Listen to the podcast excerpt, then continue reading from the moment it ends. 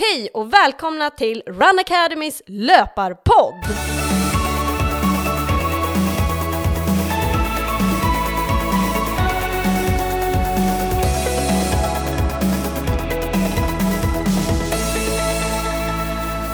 I den här podden kommer jag, Petra Kindlund som har grundat Run Academy, tillsammans med min kollega Johanna Bäcklund eller med någon inbjuden gäst att inspirera till löpning och ge en massa tips. Idag är jag extra taggad för det här avsnittet då vi kommer att lära oss en massa spännande. Jag har nämligen med mig vår allra första gäst. Vi ska göra en djupdykning i flera olika myter och sanningar kring träningslära och hur man ska träna. Jag har med mig en expert i ämnet i form av Helena Wallin. Helena är forskare och läkare inom fysiologi på Karolinska institutet. Hon är dessutom en väldigt duktig löpare då hon gjort milen på 36 minuter och är även en av våra duktiga ledare i våra löpargrupper. Välkommen Helena! Tack så jättemycket Petra! Eh, det känns jätteroligt att vara här. Eh, jättespännande, min första podd och det här är ett eh, jätteroligt ämne så att det ska bli roligt att prata idag. Ja, härligt. Eh, innan vi kör igång så vill jag bara säga att jag är så otroligt eh, imponerad över dig. Eh, jag vet att du gör den här inspelningen nu så är du i vecka 38, gravid i vecka 38. Och eh, trots det så vet jag att du tränar väldigt mycket. Hur, hur tycker du att det har gått med träningen under din graviditet? Ja, det stämmer. Eh, det är inte så långt kvar nu. Eh, jag tycker träningen har gått eh, väldigt bra. Alltså jag har kunnat eh, Tränar på ungefär lika mycket som vanligt, eh, även om jag inte springer längre. Det slutade jag med någonstans runt vecka 31, men eh, jag kör på med alternativträning som crosstrainer och vattenlöpning och det funkar utmärkt, även om jag såklart orkar mindre än vad jag gör normalt sett. Då. Mm, vad imponerande av dig. Eh, men finns det, man har ju hört att det kan finnas en del risker med att vara gravid, att, eh, att, eh, att, man, att det kan orsaka missfall eller så, eller finns det några risker kring att träna när man är gravid? Vad skulle du säga? Ehm, om vi tar det med missfall först då, som du tog upp, så finns det ju egentligen anser väl de flesta experter att det är omöjligt i princip att framkalla ett missfall själv, om det inte är så att man skulle råka ut för någon fallolycka och ramla. Men att man skulle träna för hårt, att det skulle kunna orsaka missfall, det finns det ingen, ingen evidens för. Så där kan man vara eh, lugn. Okej, vad skönt. Mm. Men eh, hur, hur ska man tänka kring puls då och hur hårt man kan träna? Finns det några riktlinjer där? Eh, det finns lite riktlinjer och de ser lite olika ut. Eh, jag skulle säga att den eh, Eh, pulsgränsen som det egentligen finns någon evidens för det är att om man tränar riktigt, riktigt hårt och det är över 90 procent av sin maximala hjärtfrekvens eller det maximala syreupptaget, då har man sett i mindre studier att det haft eh, lite negativ inverkan på fostret och då har det varit att till exempel hjärtfrekvensen har gått ner eller blodflödet till livmodern har minskat. Men eh, om det här verkligen har någon påverkan på fostret, det vet man inte, eh, för att det har gått bra för alla de här eh, kvinnorna och barnen sen. Så det kan vara så att det bara har varit en övergående påverkan eh, som inte haft någon effekt, det vet man inte. Men eh, jag vill säga bara att det finns en jättebra artikelserie om man är intresserad av att läsa om graviditet och träning som Internationella olympiska kommittén har gett ut. Och de har lite rekommendationer för eh, folk som tränar hårt. Och i, och i, princip så skriver de att man ska undvika eh, att träna över 90 procent av sitt maximala syreupptag, men att evidensen för det är inte så jättestor. Men det här är väl egentligen det enda, den enda gränsen som jag känner till i övrigt. Men jag vet att du har ju kört på en del, du sprang också en hel del lopp mm. i, i våras där i vecka 2025 mm. jag vet att du också kom på pallen i flera ja. olika traillopp så du har ju varit riktigt duktig. Jag har kört på, eh, men jag har nog inte kört, eh, inte kört max som vanligt eh, och du, jag vet att du också tävlade lite under din graviditet så att man tar det kanske inte lika allvarligt och tar i riktigt lika mycket och jag upplever väl att man att jag inte riktigt kan ta i lika mycket. Ja. Eller som vanligt. Men så upplevde jag också. It's like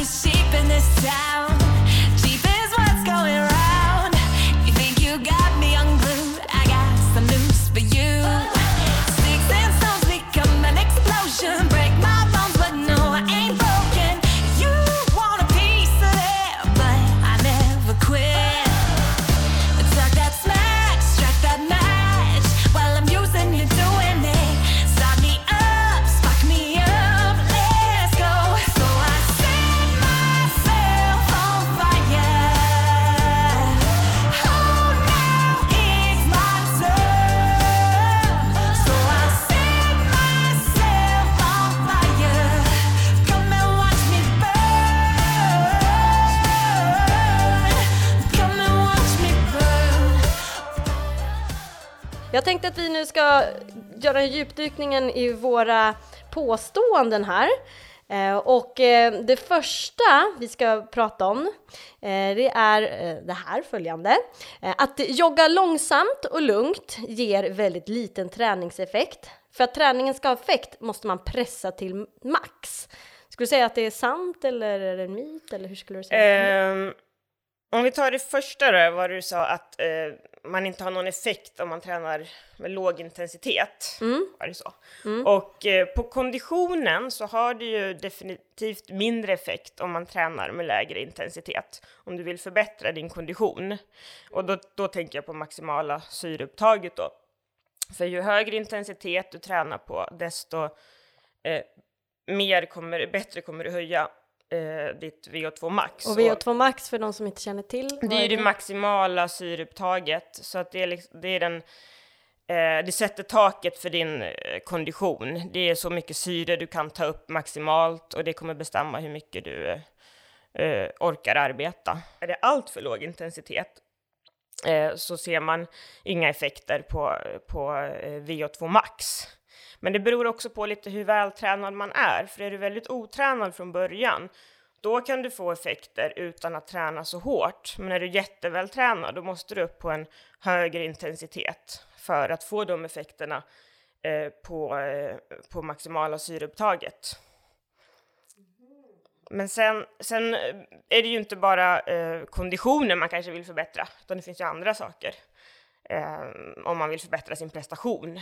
Då är det inte bara maximala syreupptaget som avgör, utan du vill ju träna din löpekonomi och laktattröskeln till exempel. Och där kan du få effekter även på lägre intensitet. Ja, just det. Ja, för vi, eller jag själv när jag lägger upp min träning, då brukar jag köra att man varvar lite hårdare pass med lite lättare pass för att också hinna återhämta sig från den mer intensiva passen. Precis, och där sa du ju någonting viktigt också, att man orkar ju inte träna, eller man klarar ju inte av att träna högintensivt varje dag.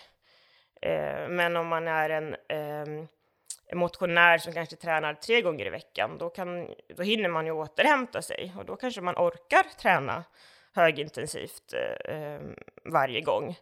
Eh, men ehm, det här betyder ju inte att man måste göra det för att få effekter. Du får, eh, får effekter av träningen även om du inte eh, tränar superhårt. Och pressa sig till max behöver man ju inte göra heller för att förbättra syreupptagningsförmågan. Mm. Men behöver man bli flåsig för att träningen ska ha effekt eller räcker det att man bara går lite lugnt?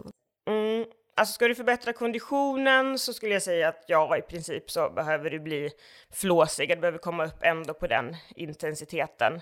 Om du inte är eh, helt nybörjare, då kan du förbättra konditionen på eh, väldigt låg intensitet. Eh, men sen som vi sa så, så, har du ju ändå effekter på hälsan, välmående och eh, även prestationsförbättringar som du får utan att bli flåsig, även om det inte gäller just eh, syreupptaget som du påverkar.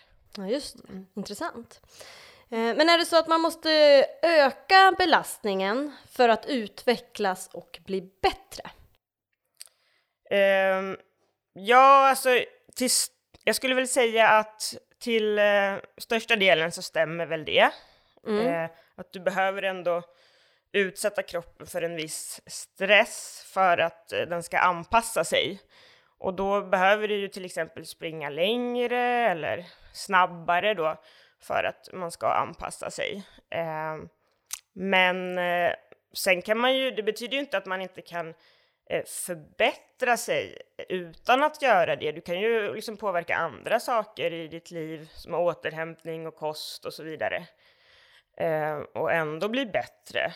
Eh, och dessutom om du kommer upp, eh, ju mer du tränar och ju högre liksom, träningsvolym du har kommit upp i över åren, eh, så verkar det också eh, leda till att du blir en eh, bättre löpare. Så det är många som som förbättrar sig utan att ändra eh, sin träning så mycket, men de har ändå kommit upp i en viss träningsvolym eh, liksom, över åren som gör att de eh, ändå ser prestationsförbättringar då.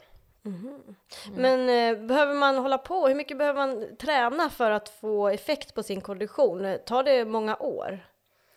Eh, det går ganska snabbt att se effekter när man börjar träna, speciellt om man inte har tränat förut. Eh, generellt säger man väl att på, alltså på två, tre månader så kan du se jättestora effekter på eh, maximala syreupptaget. Eh, men du kan, det finns studier som visar att av högintensiv träning så kan du redan efter två veckor faktiskt se en ökning av syreupptaget om man är otränad. Wow! Så att det går snabbt, eh, men sen däremot när man väl har eh, kommit över en viss nivå och blivit vältränad, då ser man, då tar det längre tid att se effekter. Mm. För det märker vi också med de som springer i våra löpargrupper, att de gör otrolig utveckling under den här perioden, att man ser snabba effekter. Eh, Medan för en själv, som jag, jag måste ju träna så otroligt mycket och länge för att eh, göra någon liten effekt. Så det är lite orättvist där kan jag känna ibland. Ja, jag håller med. Samtidigt är det ju eh, bra att man får effekter ganska fort, för då kanske man blir lite mer taggad att, att fortsätta när man har Just kommit igång. Just det. Så till alla er som inte har tränat så mycket, se, se till att börja. Ni behöver bara göra någonting litet och så kommer ni få effekt, eller hur?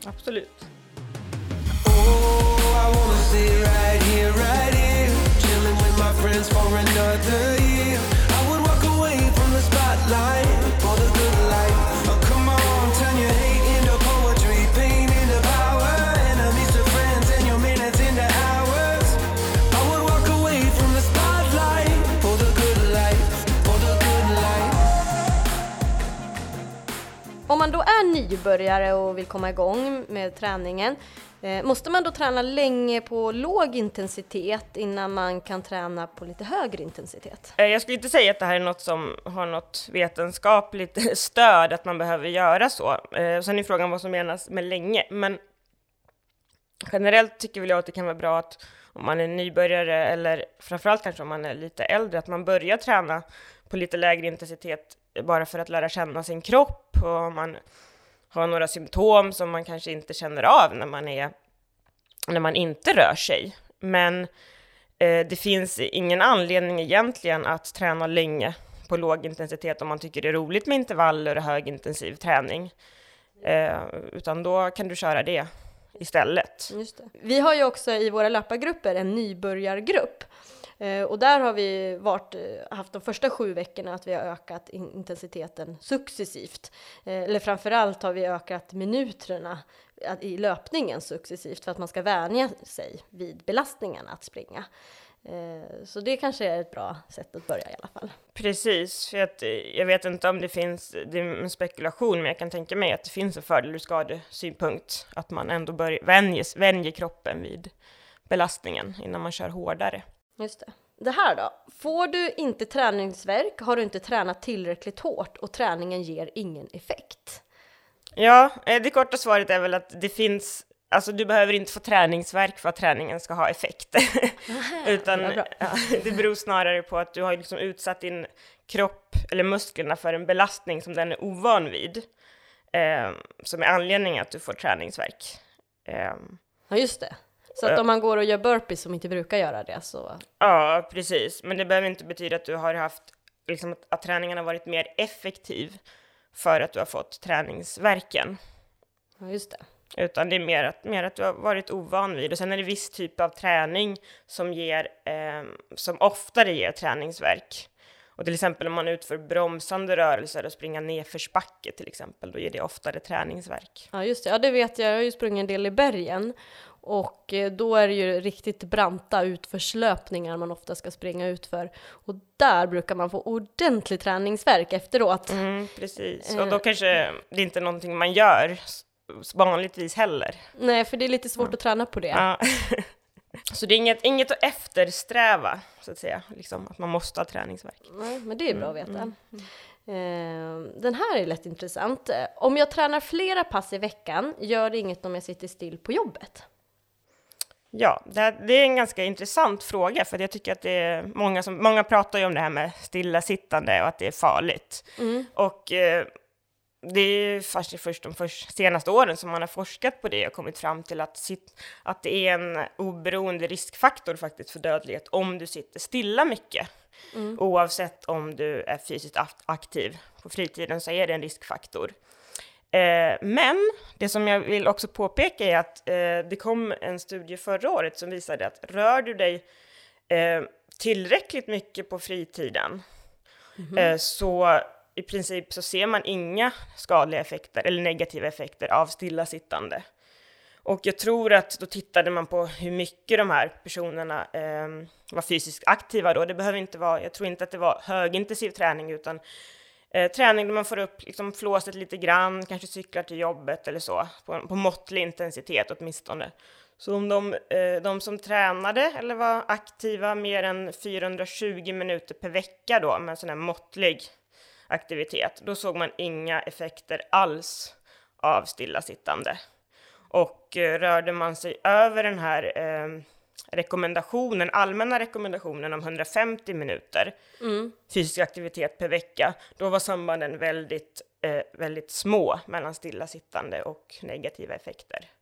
Så att jag skulle säga att är man, är man väldigt fysiskt aktiv varje dag så behöver man inte oroa sig lika mycket eh, över, de, över de negativa effekterna av att sitta stilla. Just det. Så att om jag springer till jobbet, sitter still hela dagen på jobbet och sen springer hem så kan jag ändå vara, så är det ändå okej. Jag skulle inte oroa mig om jag, om, om jag gjorde så faktiskt, över att jag satt still, stilla på jobbet. Men däremot om du bara tar en kortare promenad varje dag så är det viktigare att, eh, verkar det i alla fall viktigare, att eh, du inte sitter helt stilla på jobbet. Ja just det, att man får in lite vardagsmotion då, ta trappor istället för Ja, hissen. Mm. eller små pauser är ju framförallt det som man har sett har, har effekt. Ehm, Och vad kan man göra då för små pauser? Ja, men det är ju bara liksom att gå upp från skrivbordet och hämta någonting eller ja, ställa sig upp och Just det.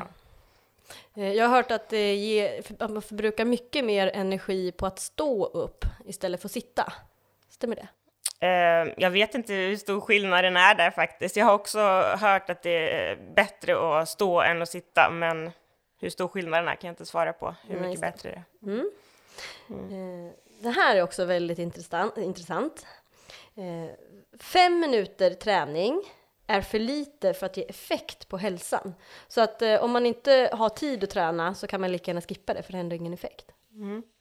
Eh, all, alltså all träning är bättre än ingen träning, kan man ju säga. Och att gå från noll minuters träning till fem minuters träning har väldigt stora effekter. Liksom de stora effekterna på hälsan, de ser man ju när man går från att inte träna alls eller inte vara aktiv alls, från att bli aktiv.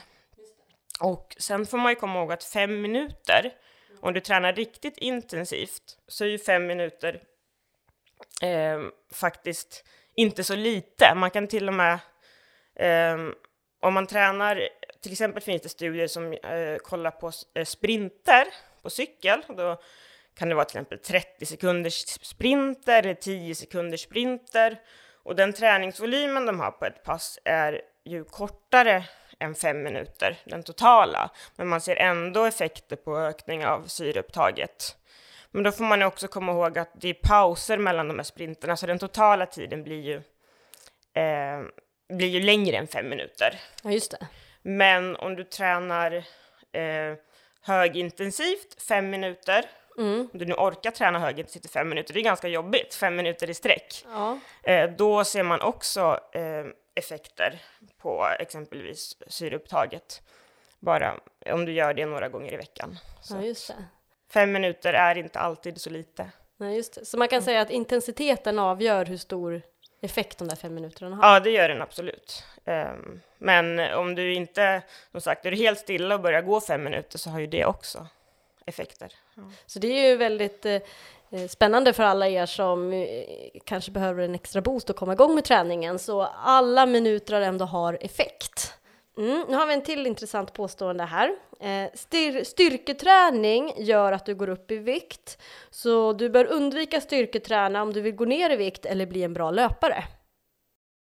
Mm, eh, man ska inte undvika styrketräning för att, bli en, för att, eh, för att eh, rädsla av att bli en sämre löpare, är väl det korta svaret. Och sen om man går ner i vikt eller inte, alltså det beror ju främst på eller gå upp i vikt då, eh, hur mycket du stoppar i dig och vad du gör av med. Just Alltså, eh, men eh, det är väl ganska välbelagt i flera studier att har du, eller styrketränar du så kan du eh, bli en bättre löpare eller en snabbare löpare. Och då är det främst, eh, verkar det vara lite tyngre styrketräning och med explosivitet som har eh, bäst effekt. Intressant. Eh, och eh, jag tror att man har sett ibland att eh, det har blivit lite viktuppgång hos de här deltagarna i studierna, men det verkar inte som att den lilla viktuppgången har haft någon negativ effekt på prestationen i alla fall. Ja, Så att det det. verkar inte vara någonting som man behöver oroa sig för. Så som löpare så ska man fortsätta med styrketräningen. Ja, och sen så troligen så minskar det väl skador också. Vet jag inte om det finns eh, någon eh, evidens för, men det är, eh, känns ju logiskt så som att det kan minska skaderisken om man blir starkare. I've been on the west side, cause it's.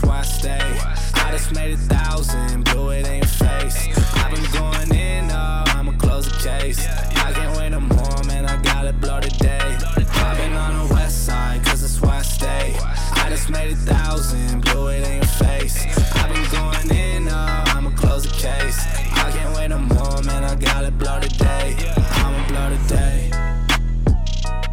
är det med återhämtningsmål? Man brukar ofta höra att man ska äta ett återhämtningsmål inom 30 minuter efter avslutat pass för att ja, träningen ska ha effekt och att man ska hinna återhämta sig ordentligt och så. Ja, här blir svaret lite att det beror på, men jag kan se att folk kan bli lite förvirrade när man läser om det här, för att det är så här att om man ska träna eh, snart igen, till exempel samma dag eller inom ett dygn, då bör man fylla på med kolhydrater för att, eh, eh, för att fylla sina glykogenlager. Så då bör man äta eh, helst inom 30 minuter. Men om du inte eh, ska träna så snabbt igen så eh, är det inte viktigt att du snabbt måste få i dig eh, något mål. Eh, och då pratar vi om kolhydrater här och vad gäller protein, eh, om, du, som, om du styrketränar till exempel, där är det också många som säger att du måste äta eh, protein snabbt efter träningen. Men det verkar som att det snarare som är vikt, som det, det som snarast är viktigt eh, är att du får i dig en viss totalmängd av protein under dygnet. Eh, och att det här ska helst vara fördelat på eh, minst fyra mål. Så har du svårt att få i dig eh, tillräckligt mycket protein eller eh, på tillräckligt, uppdelat på tillräckligt många tillfällen, då kan det vara bra att ta någonting snabbt. Men eh, inte för att det skulle påverka eh, muskelutbyggnaden bättre, utan snarare för att få i sig tillräckligt med protein. Ja, just det. Så, för det finns ju otroligt många olika eh, tillskott att ta direkt efter eh, ett träningspass. Till exempel Gainomax och sådär. Så för en motionär som har kört ett yogapass så kanske det känns lite överkurs. Ja, det är väl inte det första man behöver tänka på. Eh, och inte heller kanske om man har, kör ett pass och sen så kommer man inte träna på två dagar. Då är det inte heller så viktigt. Nej, precis. Då, Men- då skulle jag inte eh, fokusera på det. Just det. Men däremot om det är en elitidrottare som kör kanske två pass i veckan, eller förlåt, två pass per dag, då kan det vara väldigt eh, viktigt. Precis, då är det viktigt att få i sig någonting direkt om man nu eh, ska träna igen och vill kunna träna på en hyfsad intensitet ändå. Då behöver man få i sig eh, kolhydrater. Ehm, men sen så finns det lite studier som, kan vis- som visar att om man ehm, äter direkt efter träning eh, kolhydrater så skulle det kunna faktiskt hämma vissa signaler eh, kopplade till träningsanpassning. Men det finns inte eh, jättemycket evidens för att det egentligen har någon påverkan på prestationen. Så att, eh, ja, och det, en del kör ju det här upplägget ibland då som man brukar kalla för train low, eh, compete high, att man ehm, med flit då avstår från att fylla på kolhydraterna efter ett pass för att sen träna på låga kolhydratnivåer. Eh, och då har man sett i vissa studier att man får påslag av vissa gener som är kopplade till träningsanpassning. Och eh, jag tror också man har sett eh, i någon studie effekt på att man eh, på prestation, men här finns det väl kanske inte jättemycket evidens för, eh, för metoden, men eh, möjligen kan det ha effekt. Så det innebär att man då inte ska äta så mycket kolhydrater under en period och sen fylla på inför? Nå, det innebär snarare att du inte fyller på då efter ett pass. Okej, Och sen börjar du nästa pass med, no- med låga kolhydratnivåer. Du kommer ju, nackdelen är att du kommer inte orka köra så hårt då på nästa pass. Så det Just blir det. ju viss påverkan på träningskvaliteten. just det. Och vad är fördelen då att eh, träna med låga mängder kolhydrater? Ja, det skulle ju vara då att få en, en, eh, en eh, annan am, träningssvar. Eh, som till exempel att man har sett att eh, man har sett påslag av vissa gener som då är relaterade till, eh, eh, kon, till eh, konditionsträning eh, och träningssvar. Eh, så det är på molekylär nivå man kan säga att man har sett effekter. Det. Och eh, möjligtvis att det kan eh, förbättra fettförbränningen. Just det. Ehm, Men det här tänker jag då är mer kanske för de som är lite mer på elitnivå, liksom behöver jobba lite mer med detaljer för att ja, det utvecklas. skulle jag säga att eh, ehm, kanske inget som någon motionär sysslar med. Och det är ju inte så att det är alla elitidrottare som gör så heller, men Nej. det finns de som, som på. använder det. Mm. Hur är det med nerjogg eh, efter ett träningspass? Eh, Är det viktigt för att återhämta sig bättre? Eh, ja, det här är ju någonting som man eh, ofta hör, eller liksom i alla fall att, ja, att man kan skölja bort mjölksyran till exempel, att man måste jogga ner när man har tränat hårt. Och eh, det är visserligen så att man ser att eh, nivån av laktat, för det är egentligen laktat som man har i blodet och inte mjölksyra, även om man säger mjölksyra då i folkmun, eh, de går ner lite snabbare eh, om man har en aktiv återhämtning jämfört med om du skulle sitta helt still då efter ett pass. Men sen eh, är det däremot lite mer oklart om det verkligen har någon påverkan eh, på återhämtningen eh, överhuvudtaget, eller på längre sikt, sikt om det har någon påverkan. Och eh, de studier som har tittat på det här, där har man inte sett några så här jättestora effekter på prestation. Man såg eh, till exempel att om man skulle göra ehm, eh, träna igen samma dag så hade det ingen påverkan eh, på prestationen. Då var det mer Eh, explosiva test man gjorde, så det var inte uthållighetsträning. Eh, man har faktiskt inte gjort jättemycket studier på just uthållighetsträning och nedjogg. Eh, men nå- eh, i en studie såg man en liten effekt på att eh, benstyrkan återhämtades snabbare hos eh, några löpare som hade sprungit nedförsbacke, eller att de hade lite högre benstyrka. Men det var väldigt, väldigt små effekter. Eh, och det var nästan det enda liksom, som man kunde säkerställa eh, positivt när man eh, tittade igenom en massa olika studier. Ehm, att det skulle förebygga skador eller träningsverk, det finns det inte heller eh, någon större evidens för. Men man kan väl säga så här att eh, det kan finnas små positiva effekter av att jogga ner eh, eh, på kroppen och då skulle jag säga att det är väl att föredra att jogga ner då, eftersom det ändå, ändå kan ha eh, lite positiva effekter. Men sen finns det ju andra aspekter av nedjogg som gör att man eh, vill göra det, och det är ju ofta att de flesta upplever att det känns ju väldigt bra att. Mm. jogga ner, och att det känns som att man återhämtar sig bättre. Eh, och även att det är socialt, eh, att man samlar lite löpmil, alltså det finns ju en massa andra positiva effekter. Just det. Mm. Eh, och för er som eh, inte just brukar jogga ner så innebär det att efter man har kört framförallt ett hårt pass som intervaller, eh, att man då avslutar passet med att varva ner med en långsam jogg.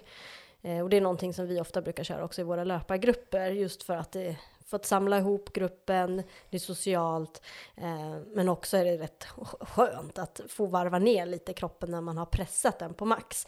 Men det är bra att känna till också att om man har ont om tid och inte hinner köra så långt pass, utan man har kanske bara 20 minuter, då kanske det är bättre att man bara tar en kort uppvärmning, för jag tänker uppvärmning måste ju ändå vara viktigt för att inte få någon skada. Absolut. Och sen så kan man köra ett ganska intensivt pass.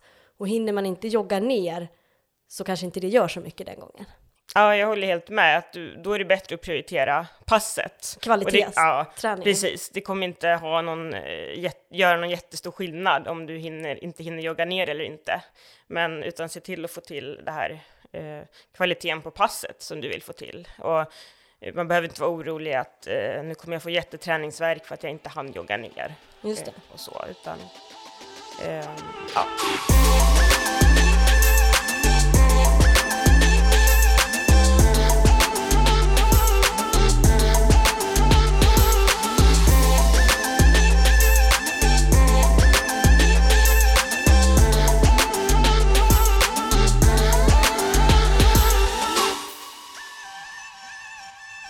Hur viktigt är det med stretchingen efter ett eh, pass då? Ja, det är också en eh, intressant fråga. Och eh, för det första kan vi säga att det förebygger inte träningsverk. Det är ganska välbelagt nu att du kommer inte få mindre träningsverk för att du stretchar efter ett pass. Okej. Så det... Men... Eh, eh, stretching före ett pass kan man säga att det rekommenderas inte heller. Och det är ju framför allt att man har sett vid explosiv eh, aktivitet, till exempel om man ska hoppa högt, då kan det faktiskt försämra prestationen lite grann. Ja, just det. Ja, därför brukar vi i våra löpargrupper köra lite mer så här dynamisk stretching eller tänjning som man kallar det, för att bara mjuka upp kroppen.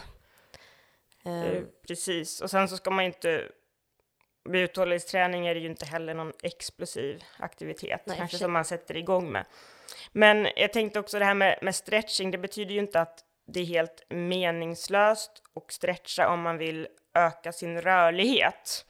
Men då ska man kanske träna lite mer fokuserad rörlighet för Just att det. verkligen, om man, om man behöver bli rörligare. just det. Eh, men eh, som sagt, stretching, då, då räcker det inte att bara stretcha lite efter ett pass, utan då får man ju träna, träna rörlighet ordentligt. Eh, men som sagt, stretching förebygger in, inte träningsverk. Just det. Men kan det minska skaderisken om man stretchar? Ja, det här det har väl snarare att göra med då om man blir skadad för att man är väldigt orörlig. Just det. tänker jag. Ehm, och blir du då rörligare och kan utföra övningarna med bättre teknik så skulle ju det kunna minska skaderisken. Men ja, det är väl så jag skulle se det i så Just det. fall. Och då kanske man framförallt ska jobba eh, med ett specifikt pass med rörlighet. Ja, det tror jag behövs då. Eller att man eh, kör, att man stretchar framför tvn lite mer specifikt, bara stretching. Mm. Måste man värma upp någonting innan man stretchar? Eller kan man köra då bara att man stretchar när man har lite tid mitt på dagen? Jag tror inte, jag är ingen expert på stretching eller rörlighetsövning, men jag tror inte att du behöver göra någon specifik uppvärmning. Du kanske inte ska börja direkt i ytterläget, utan... Ja, just det. Mm. Eh, men Just det. För, jag tänk, för jag tänker om man sitter och kollar på tv, då kanske man kan lägga in lite mer specifik eh, stretching där, eh, så att man verkligen får in lite rörlighet och att man håller lite längre på övningarna och lägger lite Mm. mer tid på den om man gör direkt efter träningspass, för då kan det bli lite så att man ja, kör någon sekund där och någon sekund där, så blir det inte så mycket. Ja, men precis, att du kan vara lite mer fokuserad på Mm. att träna rörligheten då, om det är så att du är orörlig. Eh, är ju, vi är ju olika rörliga allihopa, så vi har olika behov av, av rörlighetsträning. Ehm, en annan fundering då, som många kan ha, eh, om man, eh, hur viktigt är det att dricka under ett träningspass? Är det någonting man måste göra även om man inte är törstig? Eh, det korta svaret är nej. Du behöver inte dricka om du inte är törstig. Eller törsten är den bästa signalen för hur mycket du ska dricka. Ehm, och ehm, kör man ett träningspass på en timma till exempel och du inte blir törstig så ja, då gör det inget att du inte dricker. Det. Eh, utan eh, man kan lita på törsten. Och det är väl generellt så som eh, de flesta forskare eh, ja, vad de flesta forskare är överens om. Men däremot så kan det finnas eh, omständigheter som gör att man behöver planera eh, lite mer hur man ska dricka. Till exempel om det är extrem värme eller om du bara har tillgång till dricka på vissa till, eller vid vissa tillfällen. Just. Som när man springer lopp, då kan det ju vara att man bara har en vätskestation var femte kilometer. Och så är man inte törstig när man kommer till första stationen. Ska man dricka då eller ska man hoppa över den då? Precis, ehm, och då... Det beror ju lite på hur långt du ska springa kanske. Ska du springa, om, om loppet bara är en, en mil till exempel och du inte är törstig eh, och du vet med dig att du inte brukar behöva dricka, då skulle eh, jag i alla fall lita på min törst, att jag inte behöver dricka. Eh, och sen kan det ju bero på lite, alltså hur varmt det är också. Om du, är det väldigt varmt då kanske man ska, och vet att det är väldigt långt till nästa vätskestation, då kanske man ska ta en liten klunk ändå. Eh, men har man, har, man, har man tillgång till vätska, då behöver man inte fundera på det här på samma sätt. Eh, och sen är det också så att eh, även om du går ner i vikt av att eh, du får eh, vätskebrist så betyder inte det att eh, prestationen automatiskt går, eller försämras. Ja just det, för det har man ju hört att det är det, 2 procent, nej att om man, om, man, om man inte dricker under, när man är törstig så kan man minska prestationen med 2 procent. Ja, precis. Och här, här finns det lite liksom olika åsikter bland olika forskare just hur mycket, hur mycket vätskebrist påverkar eh, prestationen. Och eh, jag skulle säga att det beror lite på att det finns, alltså alla studier som är gjorda på det här är gjorda på så olika sätt. En del är gjorda inomhus, en del är gjorda utomhus, det är helt olika klimat och det har varit lite olika mycket tillgång till vätska på de här olika studierna. Eh, så att många tycker att ja, men 2 till 3 procent eh, vätskebrist eh, eller dehydrering, man bör undvika att gå under det, eh, för då kan det försämra prestationen. Men samtidigt så finns det, som har gjort studier i olika lopp och sett att till exempel att de löpare som gick ner mest i vikt, jag tror att det var under ett maratonlopp, det var de som presterade bäst. Ehm, så det är inte så enkelt att man kan säga att den här, vid den här procenten av vätskebrist så blir det, får du en försämrad prestation. Ehm, och dessutom så är det lite individuella faktorer som avgör hur mycket du behöver dricka. Liksom. Hur eh, mycket du svettas, det varierar från person till person. Och hur hårt du arbetar. Ehm, så, men under de flesta omständigheter så fungerar det bra att dricka efter törst. Sen kan det ju vara så att du gör, eh, om du utför liksom, om du springer något långlopp eller så där du behöver fylla på med kolhydrater, då kan man ju också behöva eh, planera lite grann med vätskan.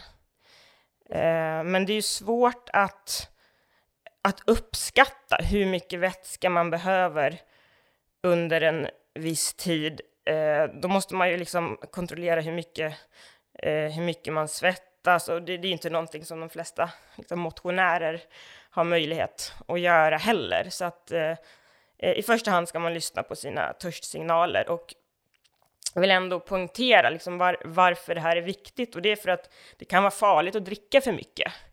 Eh, för då kan man få för stor utspädning av salter och få något som kallas för hyponatremi. Och där finns det faktiskt eh, flera dödsfall i långlopp där folk har druckit för mycket. Så det är ändå viktigt att poängtera och det brukar vara motionärer snarare. För, för, där kan det, för det kan ju vara en liten hets kring inför ett lopp att man ska dricka så otroligt mycket inför loppet. För att man ska ladda på och man ska inte eh, få vätskebrist. Men då kan, det vara till då kan det vara precis tvärtom då som du säger, att det kan till och med vara farligt att Precis, och alltså de mycket. flesta eh, liksom långlopp och maraton, de har ju, man har ju ändå ganska många vätskestationer. Mm. Det brukar ju till och med vara oftare än fem kilometer. Och speciellt när det är varmt så finns det väl ofta ännu mer vätska eh, att tillgå. Ehm, så då, då, då bör det, då bör det liksom vara en mindre risk om du dricker efter din törst. Just det. Eh, Men sen däremot om jag till exempel själv går ut och springer ett långpass så är det inte alltid jag dricker någonting, men är det varmt ute har jag alltid med mig vätska.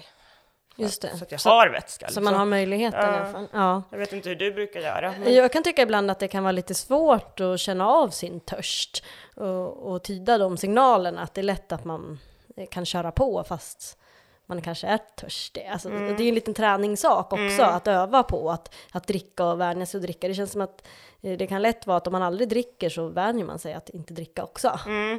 Och sen kan ju frågan vara att det kanske är så att du inte behöver dricka så mycket Mm.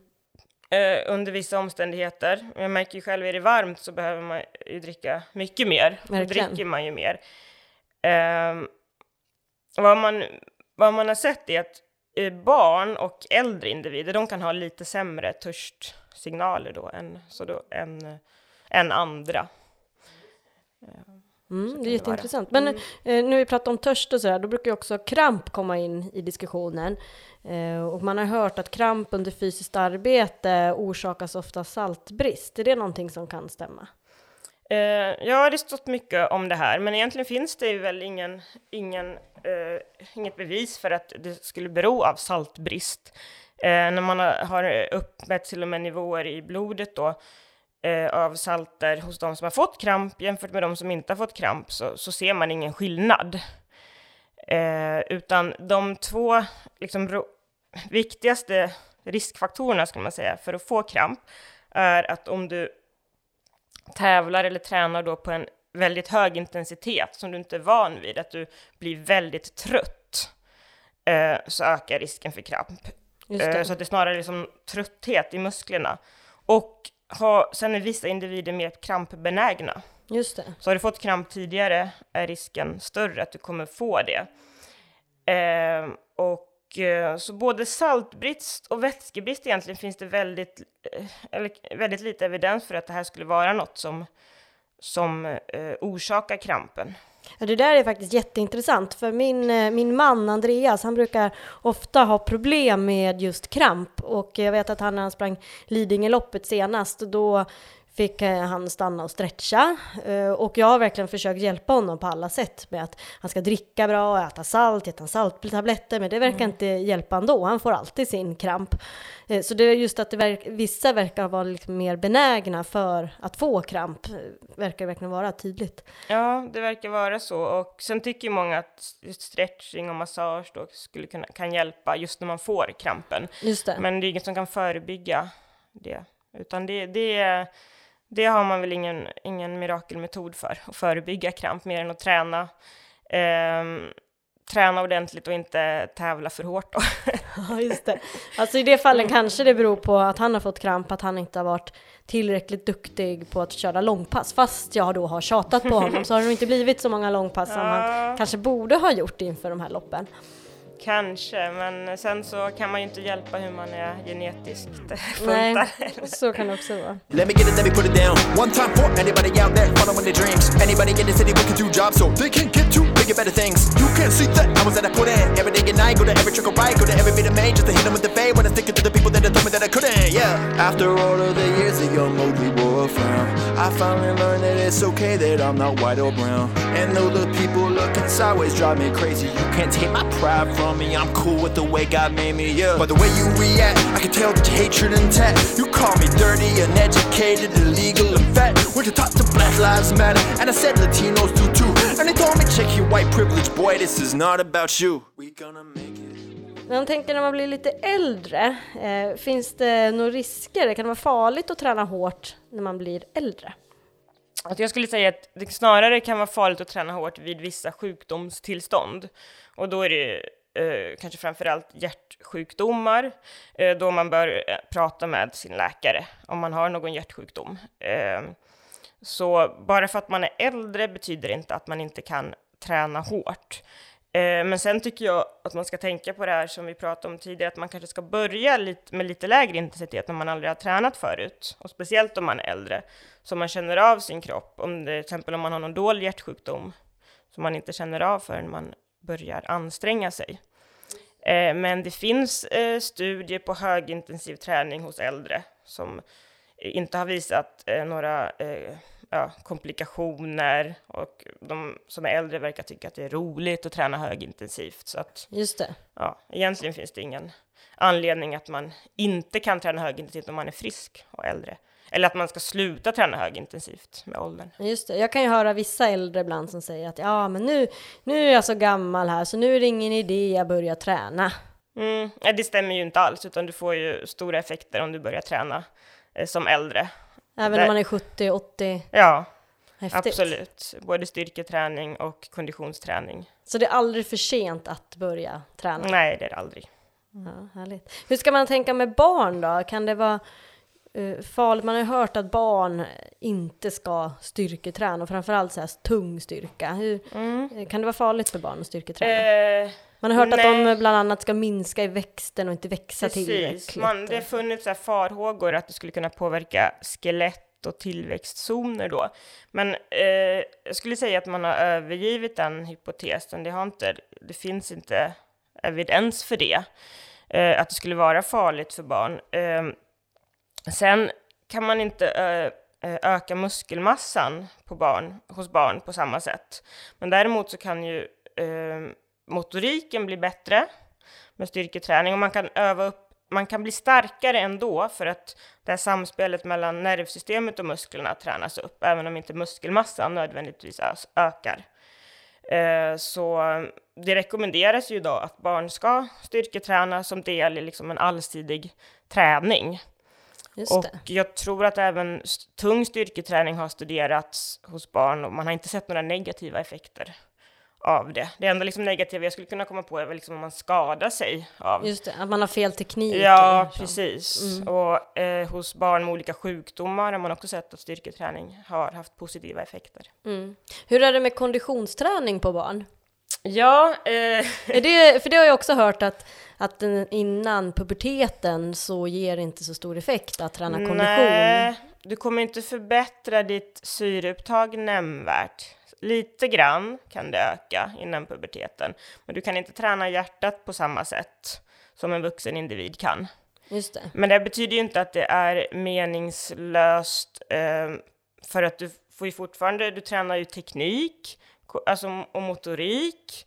Du lägger kanske grunden för en träningsvana, eh, även om inte just syreupptaget förändras nämnvärt. Just det. Nej, för jag har hört att det just på barn innan pubertet att det är mer viktigt att träna snabbhet och explosivitet och teknik. Att Precis, det mer det- än att man ja. kanske ska ut och köra distans. Ja, och det, bety- och, och eh, det kan jag hålla med om. Sen är det väl inte någonting som är att, negativt med att köra distans om de tycker det är roligt. Just så. det. Men eh, just att det inte har, gett, har några stora effekter på sy- syreupptaget. Men det finns andra delar du tränar upp. Just det. Eh, ja. Viktigast är att man gör någonting. ja. Men hur viktigt är det då med distansträning för vuxna? Eh, eller är det viktigare att man kör intervaller? Vad skulle du säga? Ja, alltså det beror ju lite på hur mycket tid man har att träna och kanske vad man har för mål. Eh, men om vi, om, vi tänk, om vi kollar på folk som tränar mycket, eller elitidrottare, eh, på uthållighetsnivå, de tränar ju väldigt mycket distans. Det brukar vara ungefär 80 procent av den totala träningstiden.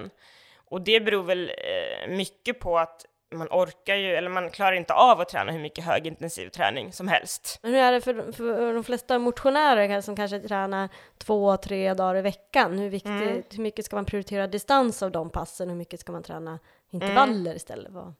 Alltså det beror ju, alltså har man, tränar man kanske tre gånger i veckan, då eh, kan man, man kan, skulle kunna köra alla de här passen högintensivt om man känner att man hinner, hinner återhämta sig. Men eh, då kanske det är lämpligt att köra ett av dem som distansträning. Det. Men det beror ju lite på vad du har för preferens. Tycker du det är roligare att köra distansträning så kan du ju göra det, men du får mer effekt om du tränar på högre intensitet. Just det. Eh, men du får, du får absolut effekter av distansträningen också. Just det. Så man kan säga att hög intensitet, hög intensiv träning har större effekt ändå än distansträning, men det gäller också att man ska hinna återhämta sig från de passen. Precis. Så man kan, därför kan man inte köra det varje dag. Nej, Just det. det finns det nog ingen som klarar av. Nej.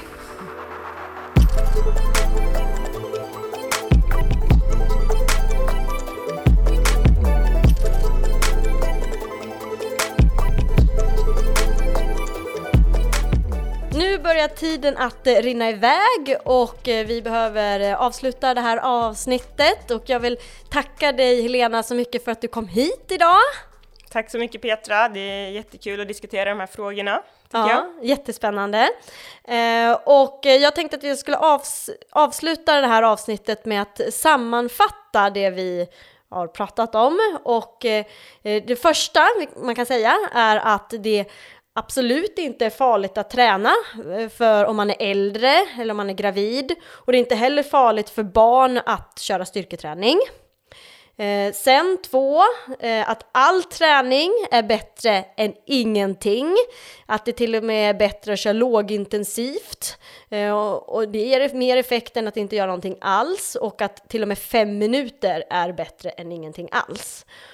Eh, och eh, tre, att eh, om man har ont om tid så kan man, är det bästa att prioritera att köra intervaller och man kan släppa slippa, skippa den här nerjoggen. Eh, utan har du bara en kvart, 20 minuter, se till, kör kanske fem minuters eh, lite uppvärmning och sen kan du köra några intervaller på 10 minuter, typ tabata. Kan ju vara ett effektivt sätt där man kör 20 sekunder hårt, 10 sekunders vila, upprepar åtta gånger, två varianter, då har du ungefär åtta minuters träning. Eh, och sen nerjogg på det. Då hinner du ett pass på en kvart, 20 minuter. Och fyra, du måste inte få träningsverk efter ett träningspass för att träningen ska ha någon effekt. Eh, och eh, efter ett träningspass så spelar det inte heller så stor roll om du stretchar för du kommer ändå inte slippa den där träningsverken. För det som påverkar träningsverken är om du kör nya övningar som du inte har gjort tidigare. Och sen femte är att du inte behöver pimpla i dig en massa vatten inför ett lopp eller under när du springer, utan det räcker att lyssna på kroppen och dricka när man är törstig, för det är den bästa signalen. Eh, det är inte heller jätte, jätteviktigt att du måste ha ett återhämtningsmål eller äta någon sån här dryck direkt efter ett pass om det ändå kommer dröja en, två dagar innan du ska träna igen. Däremot om du vet att du är på ett läger eller om du är elitidrottare och ska träna två pass på en dag, då kan det vara bra att få en återhämtningsdryck eller få i sig någon extra kolhydrater direkt efter ett pass. Ja, det var en väldigt bra sammanfattning tycker jag Petra, av de viktigaste sakerna vi har gått igenom idag. Tack så mycket Helena för att du kom hit och eh, tack till alla er som har lyssnat. Nästa avsnitt kommer komma om två veckor så håll utkik på vår blogg på runacademy.se eller via vår Facebook eller Instagram så kommer vi där nämna när nästa avsnitt kommer. Lycka till nu med din egen träning!